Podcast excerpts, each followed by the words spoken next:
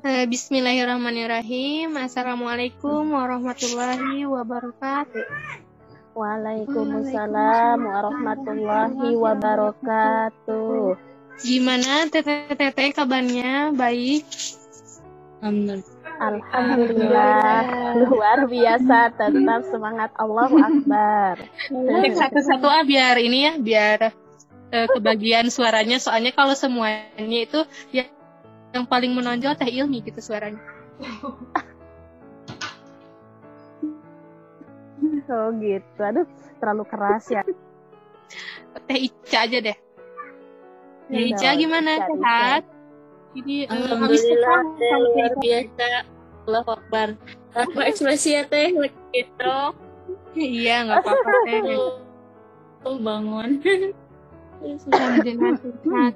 Teh Abel gimana Teh Abel nih yang udah baru lahiran? Ya, Gimana sehat? alhamdulillah luar biasa sekali ya melahirkan itu. Allah. Gimana Tam? Terus Teh ada siapa lagi? Teh Lulu, Teh Lulu gimana kabarnya? Udah baikan? Alhamdulillah udah biasa lagi sekarang. Gak ada suaranya ya Teh Lulu? Oh gak ada. Nah, kurang tadi kurang kayaknya kejauhan ada, tadi ada, ada. Teh. Terus gini ya tuh ya. Terus ada ya oh, Teh Fatima, Teh Fatima gimana kabarnya? Alhamdulillah teh sehat. Luar biasa. Maaf, belum diganti image-nya. Iya, Belum keburu. Semuanya sehat. Apa namanya? Eh, Alhamdulillah ya. sehat Teh. Oh iya, satu lagi belum ditanya. Teh Ilmi gimana kabarnya sehat? Ya, alhamdulillah Teh. Alhamdulillah sehat luar biasa. Allahu Akbar. Alhamdulillah ya udah baikan ya Teh. Eh, Mudah-mudahan Ya. semuanya eh, sehat-sehat. Terus yang eh, jaga kesehatan juga, jaga imun, jaga iman gitu ya di masa pandemi ini gitu kan. Soalnya banyak eh, di apa di kampung Tami juga orang-orang yang di setiap rumah itu sakit gitu, pada sakit, pada kebagian sakit gitu kan. Karena ya mungkin eh, imunnya kurang, terus eh, apa prokesnya juga kurang diterapkan, jadi banyak yang eh, sakit dan ya seperti itulah. Mungkin di tempat teteh-tetehnya juga seperti itu ya. Bagi musim orang yang sakit Iya, sama Teh Tamit. Banyak kabar duka ya. iya banyak Mhm, Iya Teh. Pas waktu gitu hari ya. apa ya? Di sini tuh sehari tuh ada dua, terus dua hari kemudian ada Hmm. yang eh, wafat lagi. Nih, ini weh, eh, apa? Eh, ge, apa sih? Keem gitu? Apa ya namanya tuh? Keengnya Nah, Gitu, keem, asik, nah, keem, keem. keluarga meninggal. Ya Allah meni wah. Eh, jadi eh, apa? Balik lagi ya ke segmen ladies eh, talk gitu ya hari ini.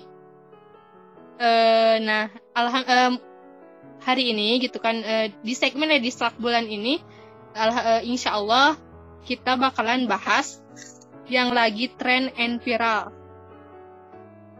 dan banyak dibahas di mana-mana kira-kira apakah itu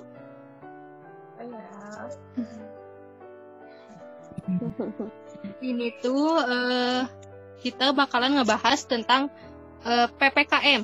PPKM di mata milenial gitu kan ya.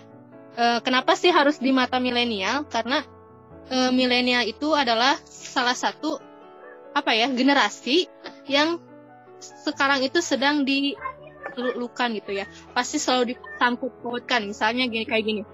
Peran milenial di, du- di dalam dunia politik misalkan ya. Terus ada lagi peran milenial dalam eh, menerapkan protokol kesehatan gitu ya. Jadi terkadang itu si salah satu topik itu selalu dikaitkan dengan milenial gitu kan ya. Makanya kita juga di sini mau ngebahas tentang PPKM di mata milenial.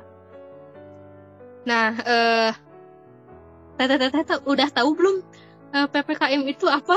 Soalnya ini ada eh, apa ya? Soalnya kan sebelumnya eh, di Instagram yang ngaji Garut itu diadakan Q&A mengenai PPKM. Nah, kebetulan ada yang tanya di salah satu eh, apa followers Yu Ngaji itu, eh, tolong katanya jelaskan mengenai kepanjangan dari PPKM. Soalnya kan banyak yang di apa ya diplesetin gitu PPKM teh itu apa gitu. Nah, sekarang mau tanya nih, udah pada tahu belum ap- eh, apa kepanjangan dari PPKM? Mulai dari siapa dulu nih? Yang tahu kepanjangan dari PPKM? Harus semuanya ini teh. Iyalah, Beli tidak tahu kita mau membahas PPKM ternyata tidak tahu kepanjangannya gitu teh. pemberlakuan apa ya pembatasan kegiatan masyarakat. Mungkin kayaknya ini ya eh, masyarakat pada bingung kayak banyak sekali istilah yang diberikan oleh pemerintah gitu ya.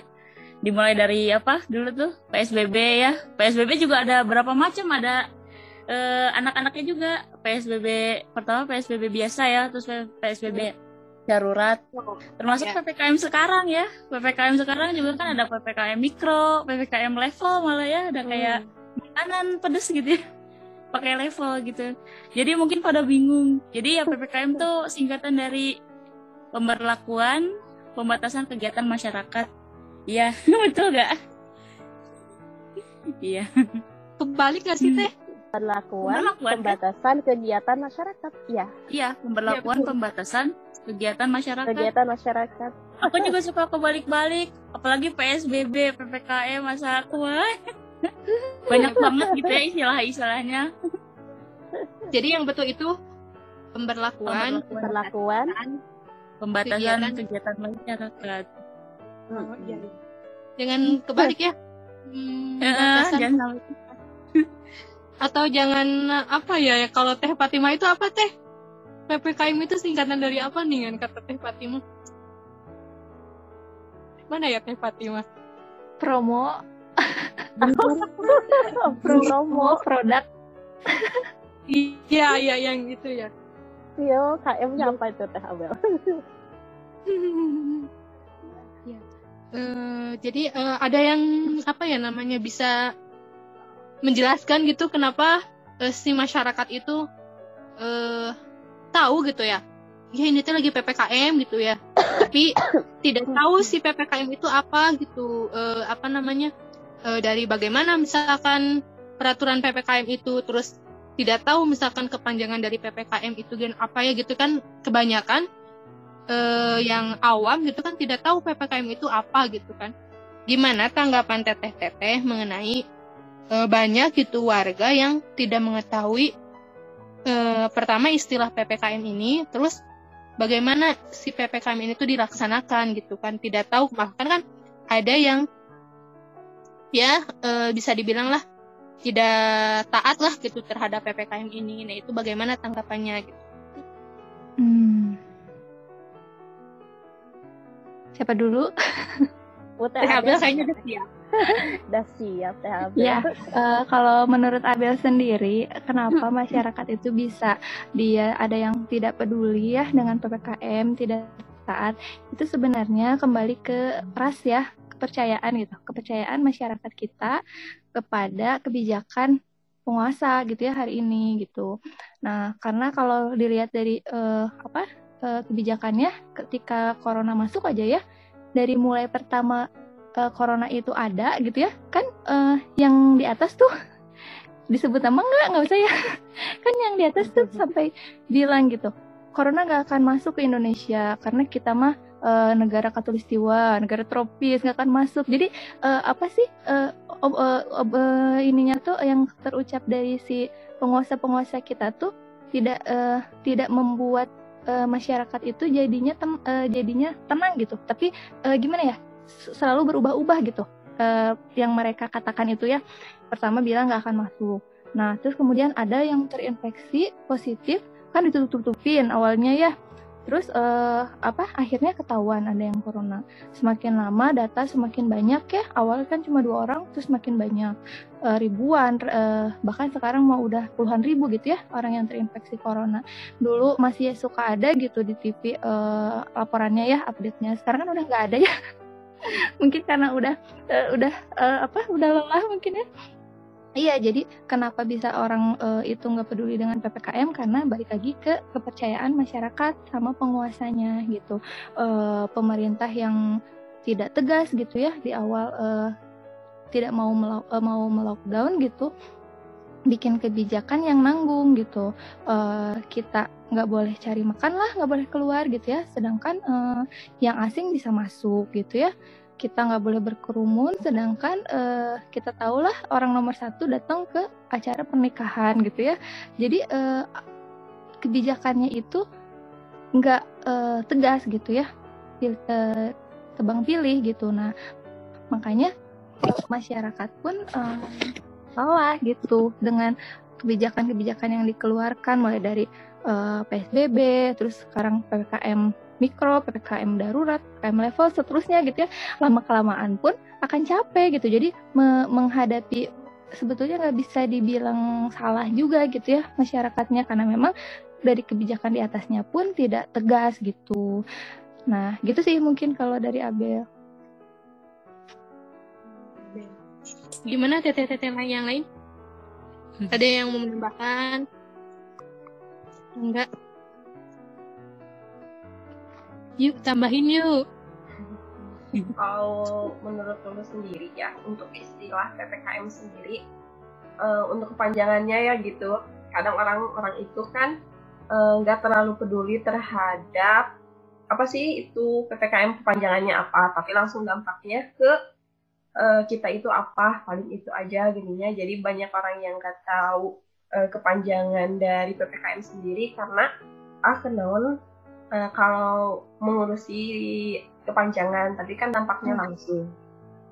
Nah, untuk dampaknya langsung kan karena keputusannya ini eh, berasa ngedadak gitu ya, jadi masyarakat juga kan jadinya asa kan COVID ini kan hal yang baru, ditambah ada kebijakan-kebijakan baru yang mana si masyarakat juga kan belum siap dengan eh, aturan baru ini sendiri gitu ya, sehingga eh, masyarakat juga bingung. Misalnya kan di PPKM ini kan banyak eh, jalan-jalan yang ditutup. Nah, jadi mau eh, ke mana-kemana juga kan bingung gitu jalannya ke mana gitu kan. Pas ke kampus juga jalan eh, pas masuk pas berangkat ke mana, pas pulang mah harus keliling-keliling gitu karena kan eh, ada aturan nanti jalan penyekatan-penyekatan gitu gini. Mungkin gitu kata Lama. Jadi karena eh, kondisinya baru lalu ada kebijakan-kebijakan baru juga eh, masyarakat juga berasa hmm, ya berasa kurang siap gitu ya dengan kebijakan ini ditambah kan kebijakannya yang gini eh, banyaklah mem-mem gini ya yang berlebaran gitu karena kebijakannya ngerasa menekan masyarakat sementara untuk kalangan tertentu mah bebas itu mungkin Ya, makasih Teh Lulu, betul-betul banget kata Teh Lulu. E, banyak gitu warga itu gak, gak mau apa ya, gak care sama istilahnya. Yang penting ya itu tuh apa gitu, dampaknya apa bagi kita gitu ya. Ada yang mau tambahin dari Teh Lulu? Teh Abel udah, sekarang Teh Ica, Teh Ilmi atau Teh Boleh Tati nambahin? enggak? boleh boleh Teh Ica. ini kan apa ya membahas istilah eh, intinya mah pro kontra terhadap ppkm ini kan ya. Ya. Eh, kalau Ica sendiri gitu ya yang emang ngerasain gitu ya eh, sebagai pedagang gitu ya pedagang eh, usaha mikro gitu eh, ngerasain banget gitu ya dampak dari ppkm ini gitu ya terutama misalkan tempat usaha-usaha mikro itu eh, tidak boleh beroperasi gitu ya. Dan tapi eh, ketika pemerintah ini apa menurunkan aturan seperti ini gitu ya yang memang eh, ya tadi gitu ya tempat usaha tidak boleh dibuka. Sedangkan pemerintah nggak ngasih solusi gitu ya mungkin kontranya itu gitu ya di masyarakat gitu ya. Eh, pemerintah nggak ngasih solusi ibaratnya eh, seperti eh, apa namanya dana bantuan gitu kan. Sedangkan kita manusia gitu kan butuh eh, keperluan pangan gitu kan atau atau misalkan keperluan-keperluan kebutuhan lainnya gitu kan. Ya mungkin kalau misalkan dilihat dari eh, apa dampak masyarakat ya dampak kontranya gitu mungkin itu gitu ya kebanyakan gitu ya. Uh, tapi mungkin kalau misalkan dilihat dari orang-orang yang uh, apa namanya yang mereka punya gitu ya yang mereka masih cukup gitu ya mungkin ini pro gitu ya. Karena uh, pemberlakuan pembatasan ini kan uh, apa namanya dianggap sebagai uh, apa sih namanya untuk mengurangi corona ini gitu ya gitu kan tapi gimana gitu kan kalau para uh, apa namanya rakyat-rakyat yang memang bisa dibilang kurang gitu ya dalam uh, sisi ekonominya gitu kan. Jadi mungkin dilihat dari pro kontranya di situ kali ya teh. Eh, ini mah sharing aja gitu ya, sekedar sharing sama uh, apa namanya mewakili gitu ya yang dirasakan oleh masyarakat teh gitu seperti itu gitu. Bersuara gitu teh. Eh, eh mungkin ada yang mau nambahin yang lainnya gitu. mangga ya, mangga. Boleh teh ini Fatimah mangga di sini banyak banget tetangga yang mengeluhkan gitu ya kenapa sampai ada kayak PPKM kayak, kayak gini tapi uh, pemerintah juga harus bertanggung jawab gitu atas uh, statement ini gitu ya, misalkan hak-hak dan hak-hak masyarakat tertunaikan sih nggak apa-apa misalkan ya dari uh, pasangan kalau ini kan uh, bantuan juga tidak merata gitu ya. Ada masyarakat yang merasa terbantu dengan pemerintah, ada juga yang banyak mengeluhkan gitu. Uh, kan um, ibu mertua juga di sini kan uh, buka warung ya, banyak yang ngutang gitu karena katanya ada yang di PHK, ada yang nggak bisa jualan begitu. Kasihan. Jadi uh, aturannya nanggung gitu ya pemerintah tuh. Dan lucu juga sih ada sampai sekarang kan kayak Maici ya ada level-level gitu. Mungkin terinspirasi juga dari seblak ya ada level-level gitu level kepedasan mungkin uh, aturannya aja sih ya yang uh, harus diperbaiki. Kayak uh, yang besar gitu buat sehari-hari. Makasih Teh Fatima udah menambahkan. Sekarang ininya uh, Teh Ilmi. Ya uh, sebetulnya ini ya uh, ya sepakat ya dengan apa yang di uh, tadi sudah disampaikan oleh Teh Lulu, Teh Ica, kemudian siapa? Teh Abel ya, Teh Fatimah gitu. Terkait dengan uh, PPKM ya, yaitu pemberlakuan pembatasan kegiatan masyarakat. Di mana PPKM ini kan adalah kebijakan gitu ya, satu kebijakan yang diambil oleh negara uh, untuk uh, mencegah gitu ya uh, semakin uh, menyebarnya uh, uh, virus gitu ya uh, COVID-19 gitu ya seperti itu. Di mana dengan diberlakukannya ppkm ini kan apa namanya seperti misalnya uh, terkait dengan apa perkantoran gitu ya itu kan dibatasi ya. Ada yang misalkan apa berapa persennya itu WFH gitu ya ada yang berapa persennya itu boleh dikerjakan di kantor. Kemudian juga eh, kegiatan belajar dan mengajar itu juga dibatasi. Misalnya masih daring, kalaupun misalnya offline juga itu paling dalam eh, lima hari atau seminggu itu cuma satu atau sampai tiga hari saja dan waktunya juga dipangkas gitu ya. Misal dari jam 7 belajarnya cuma sampai jam 11 atau jam 10 seperti itu. Kemudian juga untuk uh, misal namanya tempat-tempat uh, makan gitu ya uh, restoran gitu ya itu juga ada yang dibasa, dibatasi. Bahkan kalau untuk di Garut sendiri ya untuk yang daerah sentralnya gitu ya. Nah itu kan yang deket-deket yang sebelah situ ya kayak Garut Plazanya eh, apanya sebelah situ itu kan benar-benar eh, tutup ya kalau dua minggu ke belakang itu gitu. Nah kalau sekarang ini kan memang eh, udah buka lagi lah eh, sudah eh, banyak yang dibukanya gitu ya seperti itu. Nah dari kebijakan eh, pemerintah gitu ya dari ppkm ini eh, memang eh, ini ya eh, banyak masyarakat yang merasakan eh, apa ya ya intinya ada yang pro dan kontra lah di situ gitu ya. Yang kontranya kenapa? Kontranya adalah bahwa untuk um, masyarakat uh, yang menengah ke bawah gitu ya, ataupun untuk masyarakat yang dari sisi penghasilannya itu didapatkan per hari, maka itu tentu sangat ter, apa sangat terganggu sekali. Karena kan penghasilannya itu per hari diambil dari situ. Oh, ini pas ada PPKM ternyata punya ya punya saudara gitu yang uh, buka kayak jualan uh, apa ya kayak tapak ada tapak sepatu gitu atau bagi itu benar-benar nurunnya tuh drastis gitu ya bisa sampai 60 80 persen gitu Nah, seperti itu gitu ya dampak daripada ppkm gitu ya. Uh, itu adalah kebijakan yang diambil oleh uh, negara gitu ya. Itu tadi dalam rangka untuk uh, apa mencegah gitu ya uh, penularan virus uh, corona ini gitu ya. Tapi dari ppkm yang diberlakukan ini memang uh, apa namanya ternyata uh, diberlakukan ppkm, tetapi juga muncul masalah yang baru gitu ya. Muncul masalah yang baru. Salah satunya tuh apa? Ya ada orang yang kelaparan kah? Karena kenapa sehari harinya itu mencari uang per hari? Gitu ya. Kalau untuk kayak yang PNS yang punya gaji bulanan mungkin nggak jadi masalah ya. Karena setiap bulan dapat gitu. Tapi kalau untuk yang harian oh itu nggak begitu. Gitu ya. Makanya ada pro kontra di sana gitu.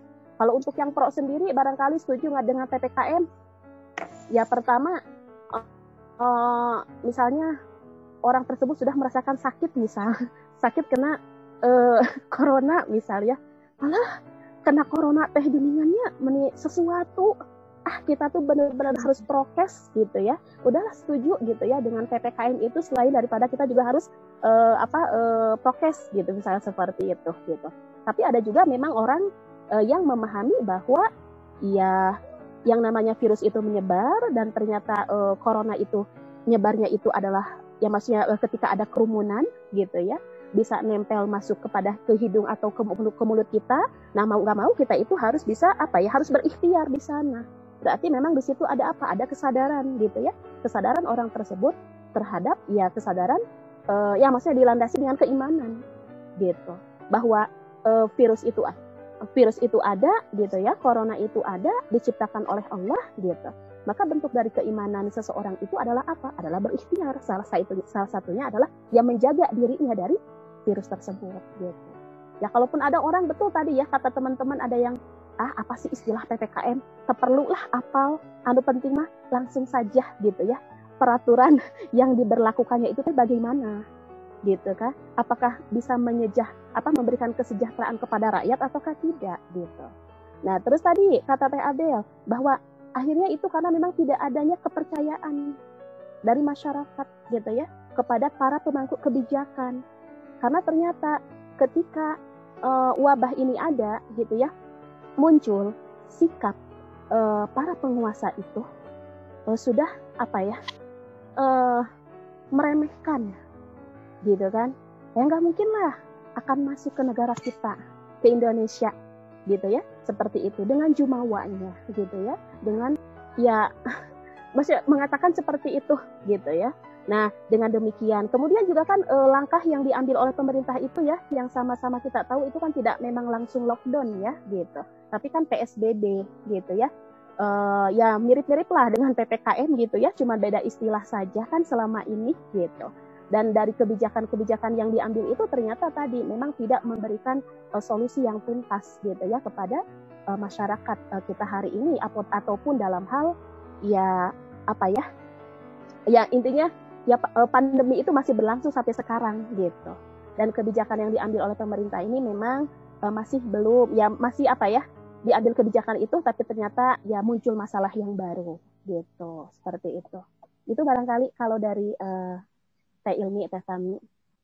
Uh, jadi uh, apa ya dari pertanyaan yang tadi apa mm -hmm. kepanjangan dari ppkm gitu ya dapat disimpulkan gitu ya bahwa uh, kenapa gitu masyarakat tuh nggak aware gitu tentang PPKM ini ya karena tadi poin pertama yang dikemukakan Teh Abel bahwa tidak ada kepercayaannya warga kepada pemerintah karena pemerintah sudah melakukan apa ya e, hal yang sama gitu sebelum PPKM dimulai dari PSBB ada PSBB mikro terus ada PPKM darurat terus sekarang ada PPKM yang level 1, level 2, level 3, level 4 gitu kan ya. Itu e, sebuah apa ya tindakan yang sama tapi dengan uh, penamaan yang berbeda tetapi hasilnya juga nggak ada gitu kan. Jadi uh, sebenarnya kenapa warga itu nggak mau apa ya nggak aware ke pada ppkm ya? Karena ya betul kata teh abel tadi gitu uh, pemer ketidakpercayaan warga kepada pemerintah gitu kan ya. Uh, dan itu semua sepakat gitu ya yang dikemukakan teh abel tadi gitu. Terus teh ada yang tanya lagi gitu ya sebenarnya ini tadi udah disinggung ya. E, mengapa gitu katanya mengapa PPKM ini banyak pro dan kontranya ya gitu. Jadi kenapa sih e, pemerintah itu buat PPKM? Terus yes pasti setiap kebijakan itu ada pro dan kontra ya tetapi ini tuh lebih banyak ke kontranya gitu ya kenapa gitu tadi tadi sih uh, kalau kata kami udah disinggung ya karena kan uh, ada yang uh, dari sisi ekonomi ya ada yang misalkan seperti setiap gas setiap bulannya itu kan sudah punya jaminan gaji gitu kan udah digaji misalkan sekian sekian rupiah sekian rupiah. Nah sedangkan untuk pelaku usaha gitu kan ya uh, yang setiap harinya itu eh yang si penghasilannya itu diandalkan dari hari itu gitu hari itu gitu. Jadi ya hari itu terus karena diberlakukannya ppkm mungkin dia tidak bisa uh, apa ya mencari nafkah itu kan jadi hal yang kontra karena e, menurut kami pemerintah itu memberikan apa ya kebijakan tetapi tidak memberikan solusi bagi masyarakatnya. Ya memang kebijakan itu dibuat untuk e, apa ya untuk mencegah misalkan penyebaran virus COVID-19. Tapi karena kebijakan yang misalkan untuk mencegah hal tersebut itu muncul masalah yang lain dan pemerintah itu tidak apa ya tidak apa ya disebutnya teh tidak memikirkan resiko-risiko yang lain gitu ya. Misalkan ada timbulnya kontrak yang sangat banyak gitu di kalangan pengusaha-pengusaha yang misalkan ya bukan disebut pengusaha ya, pedagang-pedagang kecil gitu kan banyak yang eh, kontra terhadap kebijakan ini. Jadi eh, pertanyaannya itu kenapa PPKM banyak pro dan kontranya ya gitu kan. Menurut teteh-teteh, kenapa sih banyak pro dan kontra sekarang ada tambahan yang barusan kami kemukakan. Boleh Teh Ilmi dulu? Boleh. Iya. Uh, ini ya, eh, kenapa kok uh, kebijakan yang diambil oleh pemerintah yaitu ppkm ini banyak pro dan kontra, gitu ya, seperti itu. Nah, ya tadi gitu ya kembali uh, bahwa ketika pemerintah mengeluarkan kebijakan ppkm tadi ya intinya kan ingin uh, apa namanya uh, mencegah ya uh, penularan virus corona gitu kan seperti itu. Tapi ternyata ketika ketika diberlakukan ppkm itu malah yang menambah masalah yang baru. Kenapa? Karena ketika dilakukan ppkm itu kebutuhan pokok daripada masyarakat tidak dipenuhi, gitu ya, tidak dipenuhi karena kan tidak semua masyarakat itu tadi penghasilannya itu ada terus gitu ya. Tadi kan ada yang per hari gitu ya. Misalnya usahanya tuh ada yang per hari, misalnya setiap bulan itu uh, dapat gitu ya. Jadi ada kebutuhan uh, pokok masyarakat yang tidak terpenuhi. Nah, uh, kalau kita melihat uh, dari apa ya uh, kacamata Islam gitu ya, kalau bagi kita seorang Muslim ya sebetulnya uh, dengan pemberlakuan ppkm itu gitu ya kita nggak fokus di pro dan kontranya gitu ya. Kenapa? Karena uh, kalau kita melihat kepada Islam gitu ya, melihat kepada Islam ketika ada suatu wabah yang pernah gitu ya terjadi uh, pada masa dulu gitu ya. Misal pada masa Umar bin Khattab ya uh, di mana pada uh, pemerintahan Umar bin Khattab itu kan terjadi ya uh, terjadi yang namanya wabah taun gitu ya. Terjadi yang namanya wabah. Nah ketika wabah itu datang gitu ya menular nah itu ternyata kan uh, dipisahkan antara yang sakit dengan yang sehat gitu ya jadi ada isolasi gitu ya, ada uh, social distancing gitu ya, ada pemisahan di sana. Kemudian juga apa? Negara itu memperlakukan yang namanya uh, mengeluarkan kebijakan gitu ya, yang namanya itu lockdown gitu. Nah itu lockdown.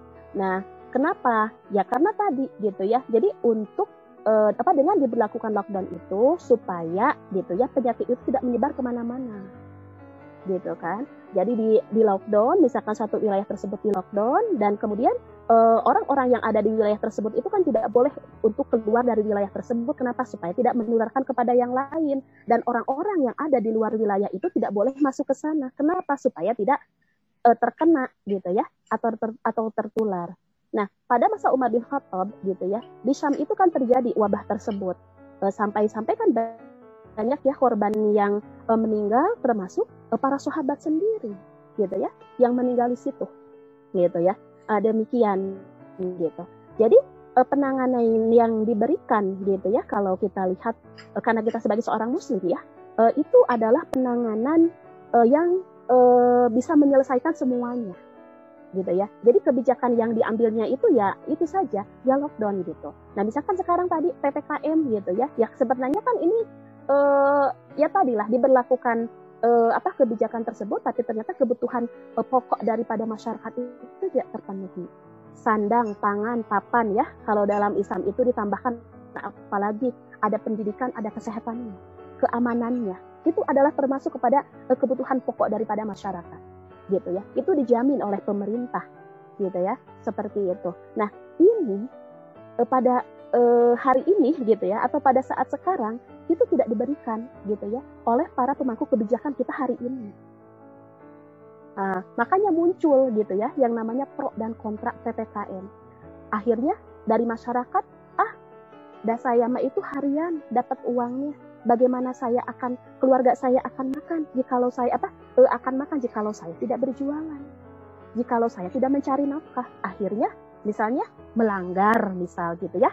Seperti itu gitu ya. Akhirnya melanggar. Karena tadi tidak ada uh, apa namanya pemenuhan gitu ya. Tidak ada jaminan daripada negara gitu ya. Makanya muncul yang namanya uh, pro kontra gitu ya. Daripada pemberlakuan ppkm tersebut gitu ya. Dan gitu ya uh, Teh Tami dan teman-teman gitu ya. Memang gitu ya uh, diambilnya kebijakan ppkm ini memang berawal dari cara pandang yang dimiliki oleh para pemangku kebijakan kita hari ini gitu ya. Nah uh, cara pandang ataupun uh, apa namanya mindset yang dimiliki gitu ya oleh uh, para penguasa hari ini itu ya adalah kapitalisme sekuler gitu kan. Kapitalisme sekuler. Yang ada kan asas daripada kapitalisme itu adalah pemisahan agama dari kehidupan. Nah, artinya gitu ya, uh, ketika ada suatu masalah gitu, ya termasuk ini tentang uh, pandemi ini gitu ya, maka penyelesaiannya itu tidak akan mengambil kepada Islam. Kenapa? Karena kan sekuler. Agama itu hanya disimpan pada ranah-ranah ibadah ritual saja. Tidak dipakai untuk mengatur uh, apa uh, apa untuk mengatur uh, apa namanya kehidupan publik gitu kan tidak diambil untuk ke situ. Iya sholat mah pakai aturan agama. Tapi kan misalnya kalau untuk politik oh enggak. Nah termasuk untuk sekarang masalah pandemi juga sama gitu ya. Kalau kita melihat kepada Islam yang dipakai apa? Lockdown. Kemudian ada jaminan dari negara untuk apa e, dipenuhi kebutuhan pokok masyarakat yang di lockdown itu sendiri. Gitu ya seperti itu. Itu akan diberikan pasti masyarakat itu akan percaya kepada negara. Masyarakat itu apa? E, nggak akan nggak percaya terhadap negara terhadap pemerintah. Kenapa? Karena dijamin kehidupannya. Kan kebayang ya kalau kita sudah apa namanya e, perut sudah kenyang ya teman-teman. Ya tersenyum saja gitu kan. Tidak mudah marah gitu ya seperti itu. Itu kan kalau perut kita itu ya dalam keadaan terpenuhi lah gitu ya. Nah ini juga sama ya. Jadi kembali ke sini bahwa pemberlakuan tersebut akhirnya ada pro dan kontra karena memang ini ber, e, pemberlakuan tersebut ya apa berawal dari cara cara pandang yang dimiliki oleh e, para penguasa hari ini gitu ya. Dan uh, apa mindset yang dimiliki oleh para penguasa hari ini gitu ya adalah ya kapitalisme sekuler gitu ya memisahkan agama dari kehidupan gitu ya. Itu cara pandangnya sehingga nanti ketika membuat suatu aturan atau kebijakan maka itu tidak akan pernah memberikan solusi yang tuntas kepada masyarakat gitu ya. Jamin. Kenapa? Karena nggak sohi. E, ideologi kapitalisme itu uh, apa namanya uh, lahir dari akal manusia gitu ya. Lahir dari kejeniusan manusia sejenius jeniusnya juga manusia dia itu tetap tidak akan pernah bisa karena manusia itu lemah dan terbatas. Gitu. Nah jadi wajar akhirnya sekarang itu ada pro dan kontra gitu ya terkait dengan ppkm karena kembali gitu ya yang diterapkan hari ini itu udah hari ini gitu ya tidak berdasarkan kepada ideologi yang sahih yaitu is Islam begitu. Gitu ya kalau dari teh ini mangga teteh-teteh ada yang mau nambahin? Atau misalkan saya tidak sepakat dengan teh ilmi gitu. Gimana mangga? Udah udah jelas banget yang dari teh ilmi mata udah lengkap. Udah tidak perlu di ini tidak perlu ditantang atau dipantang gitu ya. Karena udah komplit gitu ya. Terwakili. Jadi uh, jadi uh, kenapa gitu ada pro kontra? Jadi tadi jawaban kata Teh Hilmi itu karena ya cara pandang membuat kebijakan itu uh, salah gitu atau ideologi yang digunakan membuat kebijakan itu salah gitu. Bukan berasal dari Islam tetapi uh, mengambil ideologi kapitalisme sekuler terus uh, masalah dari kebijakan ppkm ini itu karena uh, apa pemerintah membuat kebijakan tetapi kepada warganya itu tidak ada jaminan sandang pangan papan pendidikan kesehatan dan keamanan. Itu uh, apa ya sebab muncul terjadinya pro dan kontra gitu kan ya. Uh, lanjut ke pertanyaan yang berikutnya teh. Uh, bagaimana sikap seorang muslim terhadap pemberlakuan ppkm ini gitu. gimana tuh teh? Menurut teteh-teteh yang terutama yang sudah misalkan uh, apa ya sudah memiliki usaha yang itu tuh terdampak uh, pada ppkm ini gitu gimana tuh sikap seorang muslim terhadap ppkm ini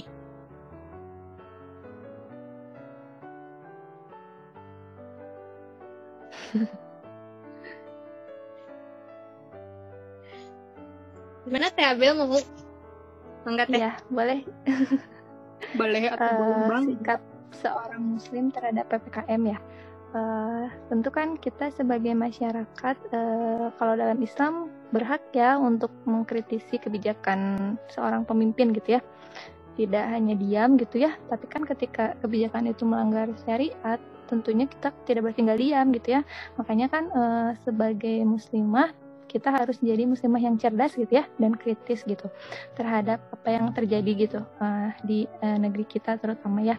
Nah uh, karena ppkm ini kan sebetulnya ya kebijakan yang diluncurkan oleh pemerintah tujuannya baik ya untuk mengurangi uh, apa uh, mengurangi penyebaran COVID gitu. Cuma uh, ternyata dampaknya itu sangat tidak baik gitu ya, uh, terutama di uh, bidang ekonomi gitu ya, terutama uh, untuk mereka yang uh, pengusaha pedagang gitu, pengusaha mikro gitu ya. Kalau misalkan uh, dari kemarin lihat di postingan uh, gubernur itu emang benar-benar ngaruh gitu ya ppkm ini hmm. uh, beliau itu mengawasi uh, rumah sakit daerah Jakarta ya RSUD Jakarta Duren Sawit kalau nggak salah. Nah waktu uh, bulan Juni itu uh, di bangsal IGD-nya tuh sampai ngampar gitu banyak banget pasiennya. Jangankan di Jakarta lah uh, di Garut aja kan kita uh, peringkat uh, tertinggi ya uh, banyak banget gitu setelah Lebaran itu.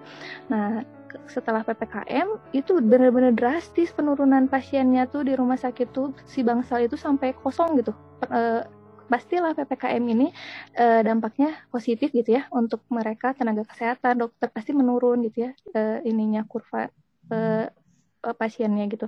Nah cuma uh, ya tadi gitu untuk kita uh, masyarakat terutama yang uh, mereka ada di uh, bidang uh, apa usaha gitu ya pasti uh, ngerasa terdampak gitu. Kalau di Garut sendiri uh, yang ramai itu kan kemarin uh, di hotel-hotel ya pada ngibarin bendera putih dengan emotikon nangis gitu ya itu kan karena uh, si pengusaha uh, si pemilik hotel itu tetap harus bayar pajak gitu tapi nggak boleh buka gitu kan. Ini uh, nggak manusiawi ya kalau misalkan dilihat gitu. Jadi pemerintah itu ya betul kata Teh Ilmi gitu uh, ingin uh, mengurangi COVID tapi solusinya mana gitu ya? Uh, kita kan tetap harus memenuhi kebutuhan uh, pangan gitu ya kan harus terbutuhi kalau orang nggak makan bisa nekat apa aja gitu ya. Nah jadi uh, sikap kita sebagai seorang muslimah ya kita harus kritis gitu. Uh, kita harus uh, apa namanya uh, memperjuangkan gitu uh, apa sih solusi yang tepat gitu yang paling tepat untuk uh, penanganan covid ini gitu ya. Uh, karena kita ada di sistem yang bukan Islam gitu mungkin pemerintah itu uh, hanya bisa menawarkan solusi ppkm itu pun bukan solusi yang tepat gitu. Mungkin bagi mereka tepat. Tapi kan tidak tidak tepat untuk uh, masyarakat gitu ya. Banyak yang uh, tidak dapat bantuan gitu. Jadi dari atasnya tuh uh, ngasih bantuan tapi sampai ke bawah justru nggak tepat gitu. Nggak kena ke mereka yang membutuhkan gitu. Kenanya ke calo lah kenanya ke orang yang sebenarnya punya gitu ya. Jadi amburadul gitu dari dari atasnya. Dari atasnya mungkin baik tapi sampai ke bawah itu tidak sebagai seorang muslimat harus menggali gitu ya uh, sebenarnya uh, solusi apa gitu ya. Yang paling tepat tuntas gitu ya benar-benar uh, men, uh, mencabut sampai ke akarnya supaya si uh, covid ini benar-benar berakhir gitu. Nah ya tidak ada lagi kan solusi selain Quran dan Sunnah gitu ya uh, dengan uh, lockdown gitu. Jadi uh, sikap kita sebagai seorang muslimah kembali lagi kita harus kritis dan cerdas apa pun permasalahan yang ada di diri kita bahkan di uh, negara kita itu harus kembali lagi ke Islam gitu. Jadi sekarang yang bisa kita lakukan uh, uh, cara yang paling mudah itu ya dengan dakwah gitu ya. Dengan dakwah uh, kita uh, apa namanya uh, dakwahnya itu kita uh, melihat gitu uh, syariat Islam gitu ya lalu kita menawarkan gitu uh, seharusnya seperti apa solusi dalam Islamnya seperti itu? Menyebarkan ide-ide Islam di tengah masyarakat. Mungkin itu ya Teh Tam. Ya makasih Teh Abel.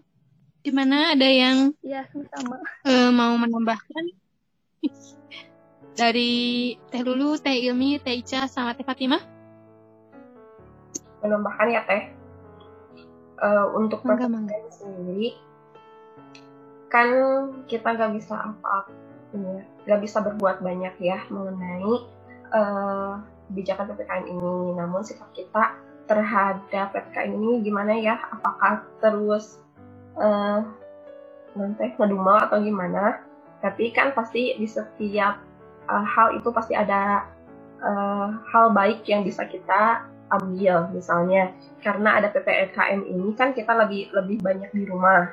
Maka uh, kita bisa lebih mendekatkan diri kitanya dengan keluarga keluarga kita yang biasanya ini kerja ini sekolah ini apa gitu ya. Sekarang ada di rumah maka kedekatan keluarga bisa terjalin lagi gitu. Lalu kita juga uh, bisa mem, belajar belajar hal yang lain gitu selama di rumah. Misalnya ya untuk perempuan belajar masakkah atau belajar nanam-nanam gitu untuk mengisi waktu karena nggak boleh keluar itu gitu. Atau uh, melakukan habit-habit yang bisa mengisi waktu di mana uh, si habit itu bernilai pahala gitu.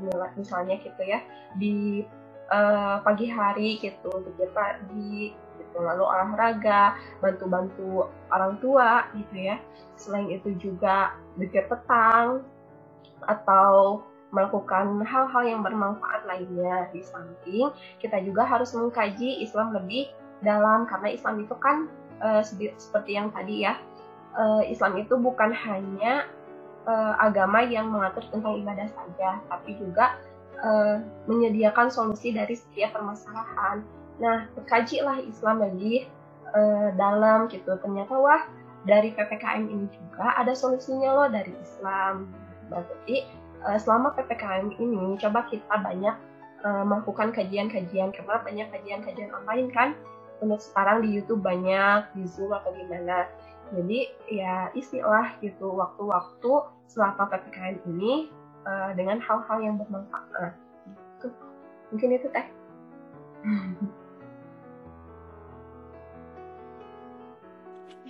Gimana teh? Ada tambahan dari yang lain? Ya. Boleh, uh, mau banyak juga. terhadap boleh tambahin teh. Ini sikap kita boleh, terhadap boleh.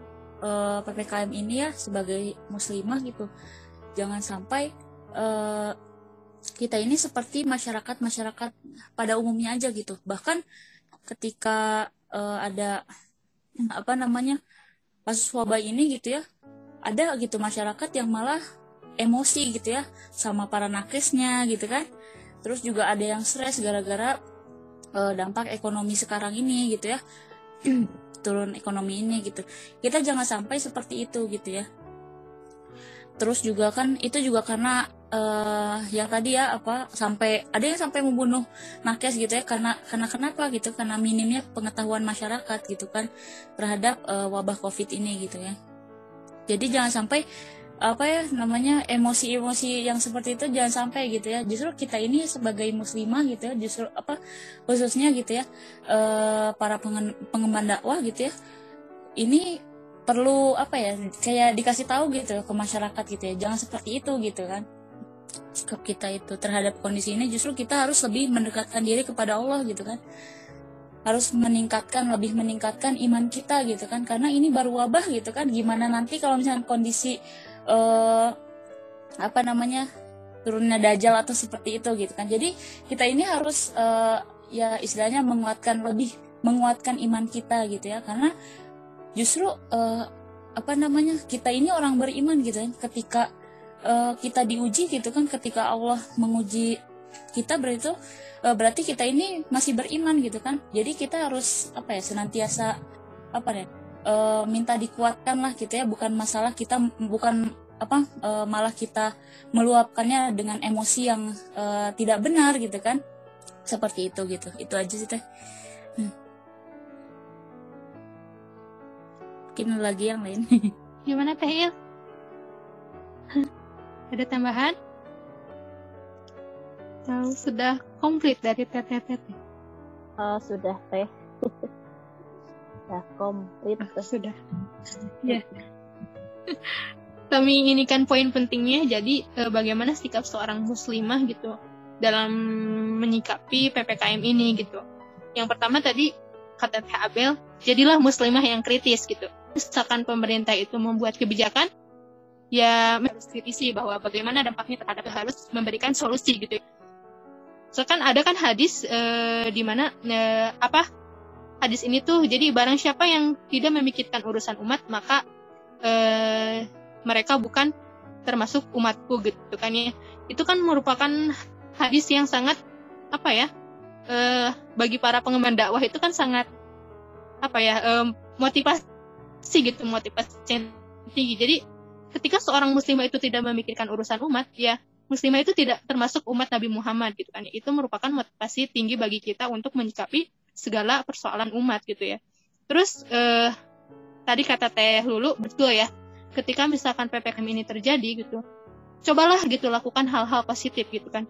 Eh, ambil hal-hal positifnya gitu. Kita bisa berkumpul dengan keluarga terus mengisi mengisi waktu luang dengan hal-hal yang bermanfaat seperti misalkan eh, apa ya eh, ya kata ta- eh, berkebun gitu ya terus eh, belajar memasak untuk perempuan gitu. Ya banyak eh, sikap sebagai seorang muslimah gitu ya. Terus eh, tadi kata Teh Ica Teh Ica menambahkan bahwa kita harus lebih menguatkan iman gitu. Betul gitu ya. Ketika misalkan kita diuji ya kita harus ingat Allah gitu. Ingat eh, ujian ini tidak semata-mata eh, hanya ujian tapi untuk mungkin Allah akan menaikkan level eh, ketakwaan kita misalkan. Eh, dari mana eh, kita itu bersikap eh, bersikap men- menghadapi ujian tersebut gitu ya. Jadi jangan sampai eh, kita itu kritik eh, mengkritisi pemerintah. Tetapi mengkritisi pemerintah itu hanya dengan emosi-emosi yang tidak berdasar gitu. Yang misalkan ya tadi kata Teh Ica disebutkan emosi kepada nakes terus emosi kepada ya banyak hal gitu ya. Ya itu kan salah gitu. Emosi-emosi seperti itu. Tapi eh, tadi kata Teh Abel muslimah yang kritis dan memberikan solusi gitu ya.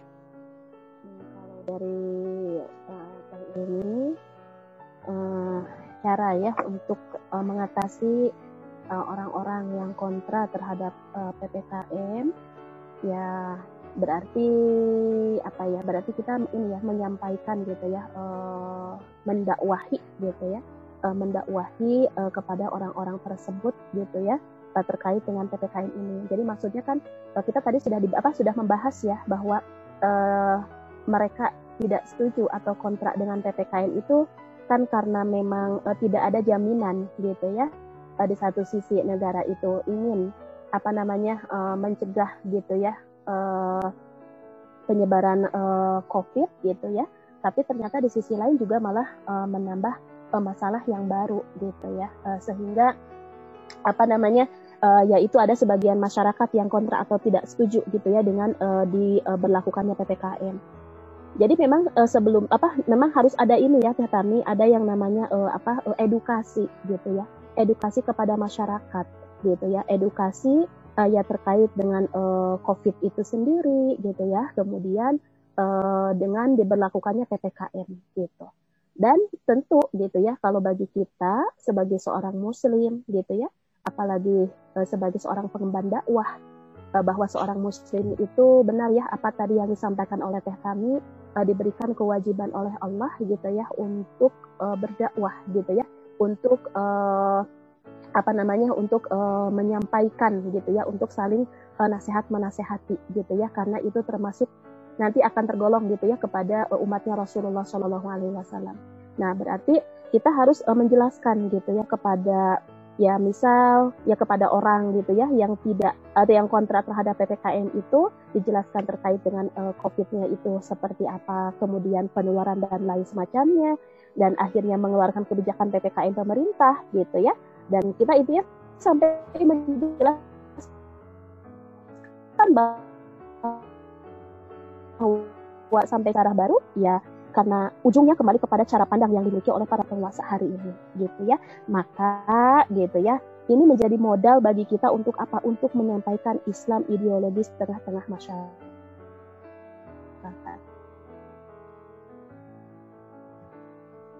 Hari ini gitu. Jadi ini loh uh, misalnya uh, teman-teman gitu ya ataupun misalnya kalau kita punya tetangga gitu ya yang tidak eh, yang yang kontrak terhadap PPKM ini loh bukti uh, ketika syariat Islam itu tidak diterapkan. Gitu ya. Jadi kesejahteraan masyarakat itu tidak didapatkan termasuk gitu ya ketika ada pandemi gitu. Kenapa? Karena uh, kalau di dalam uh, pemerintahan Islam gitu ya, uh, ketika tidak ada pandemi pun kebutuhan pokok masyarakat itu harusnya terpenuhi, gitu. Itu harusnya terpenuhi. Nah, tidak hanya pas ketika pandemi saja, gitu loh. Jadi kalau di dalam Islam itu kebutuhan pokok masyarakat itu akan terpenuhi, ya Jadi tidak akan ada masyarakat ketika hidup gitu ya. Apa namanya? Ketika hidup uh, di bawah uh, sistem pemerintahan Islam itu kelaparan gitu. Kenapa? Karena uh, apa namanya? seorang imam atau seorang khalifah itu gitu ya uh, merupakan pelayan umat yang dia itu harus mengurusi rakyatnya gitu ya harus mengurusi rakyatnya jadi yang namanya sandang pangan papan makannya rumahnya gitu ya pendidikannya kesehatannya keamanannya itu dijamin oleh Islam gitu ya itu akan dijamin oleh Islam gitu ya jadi nggak nggak akan apa yang namanya eh, kebutuhan pokok itu tidak hanya apa akan diberikan oleh uh, pemerintah itu ketika misalnya diberlakukan ppkm saja tidak gitu ya. Ketika sedang tidak ada wabah pun gitu ya, itu akan diberikan oleh pemerintah Islam gitu ya, oleh khilafah. Coba, masya Allah gitu ya. Itu akan diberikan seperti itu gitu ya. Jadi tadi kita harus apa? Harus memberikan pemahaman gitu ya kepada orang yang kontrak terhadap ppkm terkait dengan ya ppkm itu sendiri kenapa diberlakukan gitu ya. Terus ini loh bu ternyata misalnya ppkm ini justru malah pro dan kontra termasuk misalkan ibu atau bapak itu kontrak terhadap ini. Kenapa? Karena memang tidak ada jaminan untuk kita, gitu kan? Seperti itu. Nah, maka di sinilah gitu ya, ini menjadi ladang bagi kita untuk apa? Untuk menyampaikan dakwah ideologis, untuk menyampaikan Islam. Islam itu mengatur robok seluruhnya, gitu ya. Jadi yuk mari misalkan kita pahami Islam, gitu ya. Ya dengan apa namanya ya akhirnya jadi gini ketika misalnya kita sudah menjelaskan memahamkan umat gitu ya kepada yang kontrak PPKM itu misalnya ya nanti dia ketika memandang PPKM ya pasti nanti akan jadi berubah gitu ya. Uh, seperti tadi yang disampaikan siapa ya uh, Teh Ica ya kalau tidak salah uh, sampai tadi ya ada yang sampai mau apa membunuh nakes gitu ya atau apa gitu ya. Nah itu nanti ya nggak akan sampai seperti itu gitu. Kenapa? Karena orang yang kontra terhadap PPKM sendiri nanti ya akan mendapatkan uh, makhum yang jelas gitu ya, pemahaman atau edukasinya yang jelas, pelajaran yang jelas terkait dengan uh, misalnya diberlakukan PPKM itu gitu ya dan dia juga ya akhirnya akan apa, uh, menya, apa sadar diri gitu ya uh, bahwa ya kita itu harus memiliki keimanan kepada Allah bahwa yang namanya COVID itu ada dan kita juga harus uh, apa menjauh daripada yang namanya COVID gitu seperti itu gitu ya Dan kembali intinya ya kembali kepada bahwa tidak diberlakukannya syariat Islam inilah yang menjadi buah gitu ya dari masalah-masalah yang muncul. Gitu. Seperti itu Teh Tani. Eh, gimana teteh-teteh yang lain ada yang mau menambahkan dari argumen teh ilmi? Hmm, kalau menurut dulu kan ada hadis ya yang menyebutkan bahwa sungguh beruntung umat muslim itu karena tatkala ditimpa musibah dia bersabar dan tatkala diberi kebahagiaan dia bersyukur gitu ya. Jadi uh, COVID ini kan suatu hal yang Allah turunkan kepada kita gitu. Jadi uh, kita itu kalau ditimpa uh, COVID ini maka bersabar. Tapi bersabar di sini bukan uh, diam begitu saja gitu ya. Tapi coba uh, berusaha uh, semaksimal mungkin gitu ya agar si COVID ini bisa bisa tertangani gitu ya caranya ya seperti itu gitu ternyata Islam ada caranya untuk mengatasi uh, virus atau wabah ini yang mana tadi sudah disebutkan oleh Teh Ilmi gitu ya. Islam itu me, nanti menjamin kebutuhan pangan kebutuhan ya pokok dari setiap muslim. Sementara penanganannya juga kan langsung gitu kan dipisahkan terlebih dahulu mana orang yang sakit mana yang enggak. Lalu yang sakit itu langsung diobati gitu ya. Dan yang uh, tidak terkena wabah kan bisa beraktivitas seperti biasa mungkin itu teh tambahan dari Lulu uh, gimana? Makasih teh Lulu udah menambahkan. Uh, gimana dari teteh-teteh yang lain? Ada yang mau menambahkan dari argumennya teh Lulu sama teh Ilmi?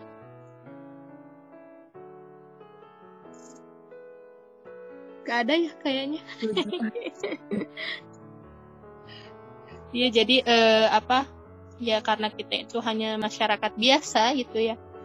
Ya minimal kita itu kasih tahu lah kepada yang tidak tahu gitu ya. Jadi betul kata Teh Ilmi edukasi kepada masyarakat. Terus eh, tadi kata Teh Lulu juga eh, ada kutipan hadis sungguh beruntung bagi orang muslim ketika ia diberi musibah ia bersabar, ketika ia diberi kebahagiaan ia bersyukur. Jadi betul ya kata Teh Lulu tadi bahwa bersabar itu bukan hanya diam, tapi kita juga berikhtiar gitu ya. Bagaimana gitu menghadapi uh, apa ya uh, pandemi ini gitu. Lanjut ke pertanyaan yang terakhir Teh. Bagaimana cara menyikapi milenial yang tidak peduli terhadap PPKM ini gitu. Jadi bagaimana cara menyikapi milenial yang tidak peduli terhadap karena kan kebanyakan milenial itu kan tidak merasakan dampak dari PPKM ini teh gitu. Jadi bagaimana menurut teteh-teteh cara men menyikapi milenial yang tidak peduli gitu? Kalau menurut dulu kan gini ya. Uh, milenial itu kan pemuda-pemuda ya. Yang mana Indonesia itu kan jumlah pemudanya banyak. Berapa persen? Ya lupa lagi.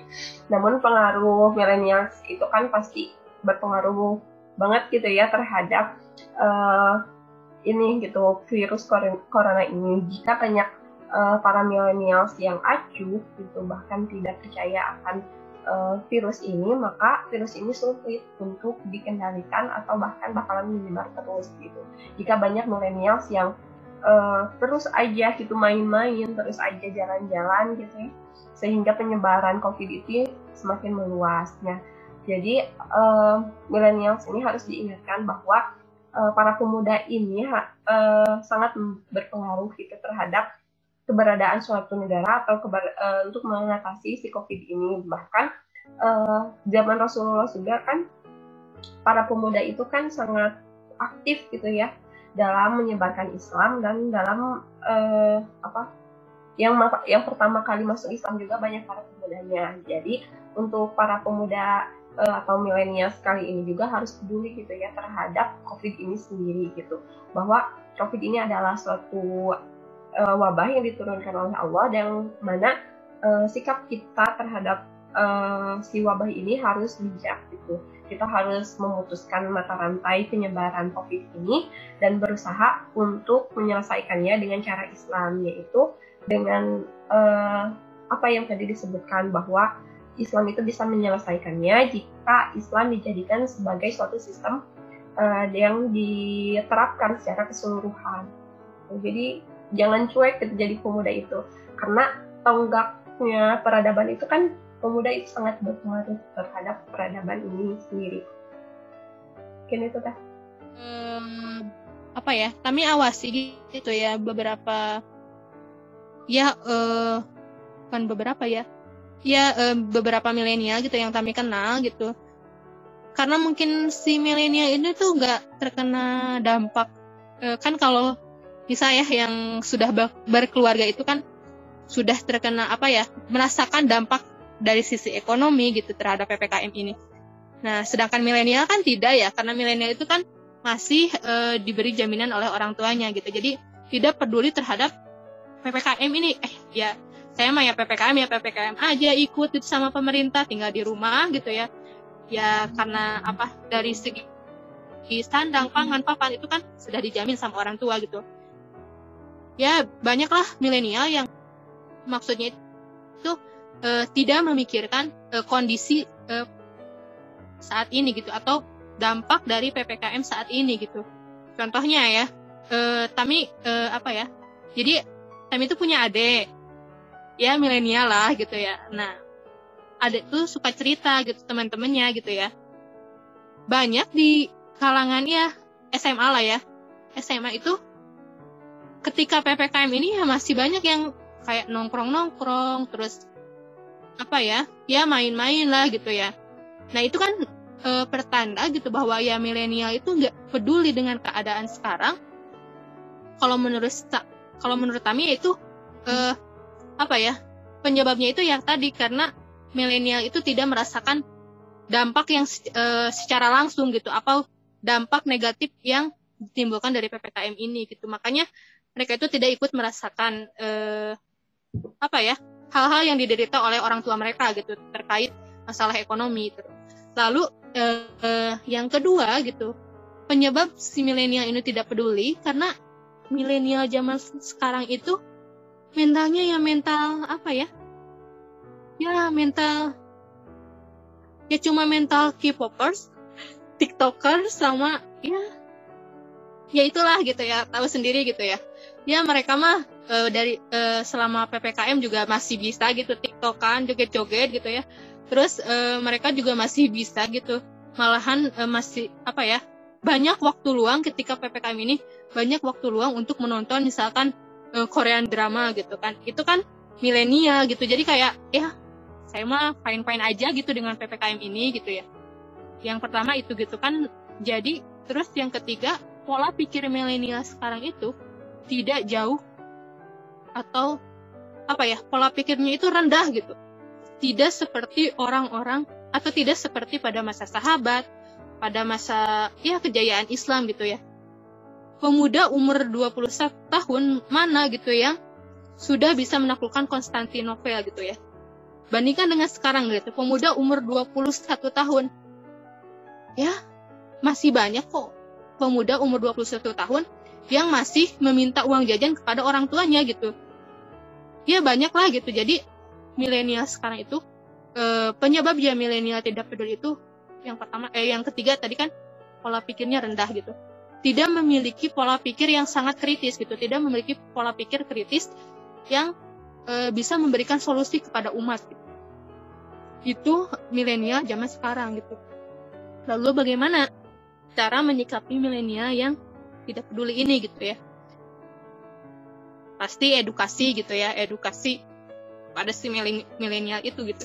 Tapi edukasi kepada milenial itu tidak edukasi yang e, sifatnya ceramah gitu ya, tidak edukasi yang yang sifatnya itu menasihati, tapi kalau menurut kami kalau milenial itu harus didekati dulu gitu. Kayak anggaplah si uh, milenial itu adik kita sendiri gitu ya. Terus uh, misalkan uh, kalau Tami ya, kalau Tami misalkan uh, mau gitu merubah si milenial itu uh, lihat apa yang dia senangi gitu ya. Apa yang dia senangi misalkan uh, dia senang uh, K-pop gitu ya. Uh, kalau misalkan uh, dia senang K-pop, kita uh, apa ya masuk dulu lah ke dunianya gitu, masuk dulu ke dunianya. uh, bagaimana K-pop itu terus perlahan-lahan kita ubah gitu pola pikirnya gitu ya. Nah itu uh, menurut kami sih jadi emang kalau misalkan bagaimana cara menyikapi milenial itu kita harus edukasi. Terus yang pertama eh yang kedua itu care sama mereka gitu ya. Care sama milenial karena milenial itu terkadang kurang perhatian dari orang tuanya gitu. Jadi kurang perhatian, kurang pendidikan. Jadi kita itu kalau ke milenial itu edukasinya itu hanya misalkan 5, 40%. Eh, nah, yang care-nya itu 60%. Karena kalau milenial udah dikasih perhatian, mereka insya Allah gitu bakalan nurut gitu sama kita kayak gitu. Uh, mungkin itu dari Tami teh. Argumen dari Tami, uh, tambahan dari teteh-teteh yang lain. Mangga. Uh, tadi ya bagaimana cara apa sikap kita ya? Sikap kita ya terhadap uh, para milenial yang tidak peduli gitu ya? Terhadap uh, para milenial yang tidak peduli ya Teh ini sepakat ya dengan tadi apa yang disampaikan oleh Teh Lulu ataupun Teh kami gitu ya? Uh, bahwa harus ada edukasi gitu ya terhadap uh, para milenial ini. Kemudian kita juga harus care terhadap mereka gitu ya dan uh, ingin menambahkan sebetulnya sudah disinggung sama Teh Tami ya bahwa ada yang namanya apa itu namanya kedangkalan berpikir ya atau uh, krisis uh, berpikir gitu ya di kalangan milenial gitu ya. Uh, ya kalau di, kalau dilihat uh, sekarang itu kan apa ya ya kayak dulu misalkan Muhammad Al Fatih ya umur berapa itu sudah bisa uh, menja apa sudah di apa sudah di apa sudah uh, bisa menaklukkan gitu ya Konstantinopel gitu ya ataupun uh, dulu gitu ya uh, para ulama-ulama gitu kan itu kan jauh ya dibandingkan uh, dengan sekarang gitu ya anak-anak uh, uh, zaman sekarang atau milenial sekarang gitu ya. Uh, di mana sekarang itu kan dari sisi biologis misalnya mereka itu sudah ini ya sudah dewasa gitu ya sudah dewasa misal mereka tuh sudah balik gitu ya tapi mereka tuh belum akil gitu ya. Jadi dari sisi akal mereka tuh belum sempurna gitu. Jadi uh, misalnya dia tuh sudah balik tapi dia tuh misalnya sholatnya tuh ya kan sholatnya tuh masih masih sholat masih enggak gitu kan kayak gitu itu yang ada sekarang gitu ya uh, seperti itu jadi beda gitu ya uh, dengan uh, pada masa dulu gitu ya. Jadi terjadi yang namanya krisis berpikir ya atau uh, kedangkalan berpikir gitu ya di tengah-tengah umat hari ini uh, seperti uh, para milenial gitu ya kan yang ada hari ini gitu ya. Yang ada sekarang itu kan tadi ya uh, apa namanya tuh uh, nonton Korea gitu ya, TikTokan gitu ya, serasa akan hidup selamanya atau bagaimana lah pokoknya.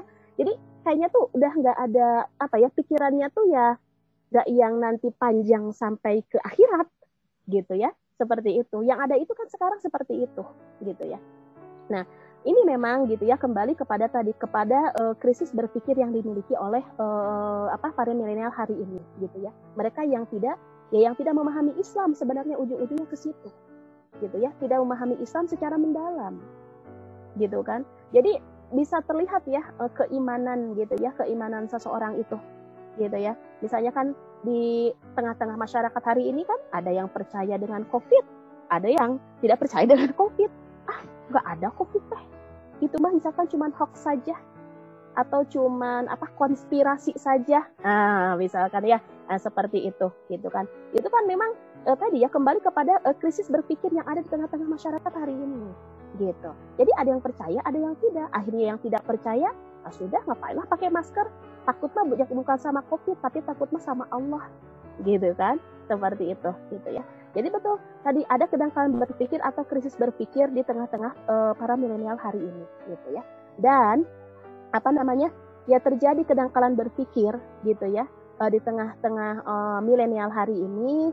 Ini memang tidak bisa lepas, gitu ya, dari uh, apa di apa uh, di tidak diterapkannya aturan Islam gitu. Jadi setelah kekhilafahan gitu ya diruntuhkan di Turki Utsmani, maka kaum muslimin itu semakin jauh dari Islam. Gitu ya, semakin jauh dari Islam. Ya otomatis kan ya cara berpikirnya itu jauh lah dari Islam gitu ya. Akhirnya rasa kepedulian mereka itu tidak ada gitu. Nah, ya tadi ya sikap kita terhadap uh, apa mereka gitu ya para milenial yang tidak peduli ya memang harus kembali ya kepada uh, edukasi yang harus di, dilakukan gitu ya edukasi ini kan memang ya sudah pasti ya harusnya itu adalah dari siapa? Dari pemerintah. Harusnya maka kan itu kan yang paling ini ya uh, yang ya sebagai pemangku kebijakan itu kan yang akan dilihat oleh rakyat itu kan biasanya dari situ gitu. Itu harusnya diberikan edukasi memang gitu ya. Tapi kan sekarang itu ya tidak tidak demikian gitu ya. Ya maka penting ya tadi harus adanya edukasi kemudian ya care kita terhadap uh, para milenial itu. Ya ujung-ujungnya kembali bahwa ini menjadi lahan apa ya uh, lahan uh, dakwah bagi kita menyampaikan kepada uh, para milenial yang tidak uh, peduli gitu ya uh, terhadap uh, ppkm hari ini. Itu teh Tami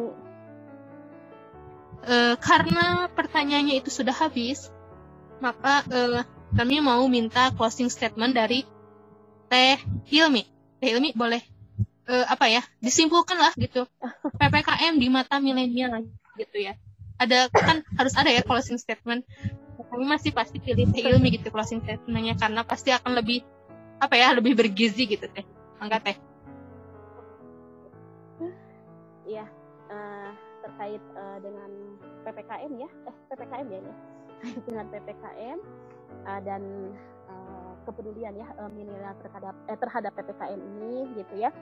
Ya seperti yang sebenarnya tadi sudah uh, sempat uh, dibahas ya bahwa uh, ppkm ini merupakan kebijakan ya di, yang diambil oleh uh, pemerintah uh, untuk um, apa namanya mencegah gitu ya atau tidak banyak gitu ya terjadinya penularan gitu ya COVID gitu ya seperti itu. Nah tapi ya dari diberlakukan ppkm ini ternyata menambah masalah baru gitu ya bagi masyarakat gitu ya. Kenapa? Karena apa namanya tidak ada jaminan gitu ya uh, dari negara uh, terhadap uh, masyarakat itu sendiri gitu ya terhadap masyarakat itu sendiri. Dan sebenarnya gitu ya adanya ppkm ini memang bukan solusi yang eh, ya bukan solusi yang hakiki lah gitu ya yang bisa menuntaskan gitu ya terhadap apa namanya penanganan virus corona ini gitu ya terhadap covid ini gitu nah jadi kembali bahwa yang akan memberikan uh, solusi uh, terhadap setiap permasalahan gitu ya yang dirasakan oleh uh, umat hari ini tiada lain adalah Islam gitu ya apa pun itu adalah Islam gitu ya. Nah, apa namanya? Ya kalaulah uh, kita uh, lihat ya pada masa ya dulu gitu ya, pada masa Islam itu diterapkan gitu ya, syariat Islam itu diterapkan, ya maka ke apa kesejahteraan itu di, didapatkan gitu ya oleh ne, negara gitu ya, uh, sekalipun uh, misal ketika ada wabah gitu ya, itu kebutuhan uh, itu tetap dirasakan oleh uh, masyarakat. Dan akhirnya masyarakat juga apa ya taat gitu ya patuh gitu. Percaya kepada uh, negara. Kenapa? Karena mereka diberikan jaminan gitu ya. Nah ya ayo yuk di sini gitu ya. Uh, para milenial gitu ya adalah para pemuda ataupun pemudi gitu kan. Uh, untuk peduli gitu ya terhadap uh, permasalahan yang menimpa gitu ya kita hari ini gitu ya. Karena ini adalah permasalahan bersama kita itu jangan menjadi orang yang apa ya yang egois gitu ya tidak boleh menjadi orang yang egois. Kenapa? Karena Rasulullah Shallallahu Alaihi Wasallam bersabda uh, barang siapa yang bangun di pagi hari gitu ya uh, dia itu hanya memikirkan urusan uh, dunianya dirinya. Dia tidak peduli terhadap yang lain gitu ya. Maka orang tersebut di hadapan Allah di sisi Allah itu tidak dilihat. Tidak ada apa-apanya di hadapan Allah. Wah, gitu. Nah berarti gitu ya eh, hadis tersebut eh, apa namanya mengajak kepada kita gitu ya memerintahkan kepada kita untuk apa untuk aware untuk peduli jangan cuek gitu ya eh, dengan permasalahan yang ada sekarang termasuk ppkm yang diberlakukan hari ini gitu ya. Kita itu harus menjadi orang yang peduli gitu ya. Kenapa? Ya karena kita adalah seorang muslim yang sudah diberikan yang sudah diberikan uh, apa uh, beban hukum oleh Allah gitu ya untuk peduli terhadap yang lainnya gitu ya. Seperti itu. Uh, karena kan kalau kita tidak peduli akhirnya ya tidak perlu dengan PPKM itu dan lain semacamnya ya jangan-jangan nanti kan justru malah kita menjadi orang yang uh, ya akhirnya jadi uh, menyebar apa menjadi uh, menularkan gitu ya menularkan virus tersebut gitu ya seperti itu. Nah jangan demikian gitu ya. Jadi kembali ke sini bahwa ya dengan adanya ppkm ini ini emang memang merupakan satu kebijakan yang diambil oleh negara hari ini nah, tapi ternyata menimbulkan masalah yang baru gitu ya. Dan ini bukan solusi tuntas gitu ya untuk uh, permasalahan uh, untuk uh, menangani virus corona ini.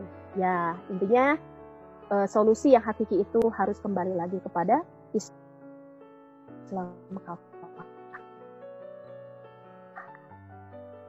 Ya, terima kasih Teh Ibu sudah memberikan apa ya closing statement dari ngobrol-ngobrol uh, kita hari ini gitu ya. Jadi uh, mengenai apa ppkm uh, di mata milenial, milenial tolong dengarkan tadi kata-kata Teh Ilmi ya, uh, dengarkan, resapi juga amalkan gitu ya.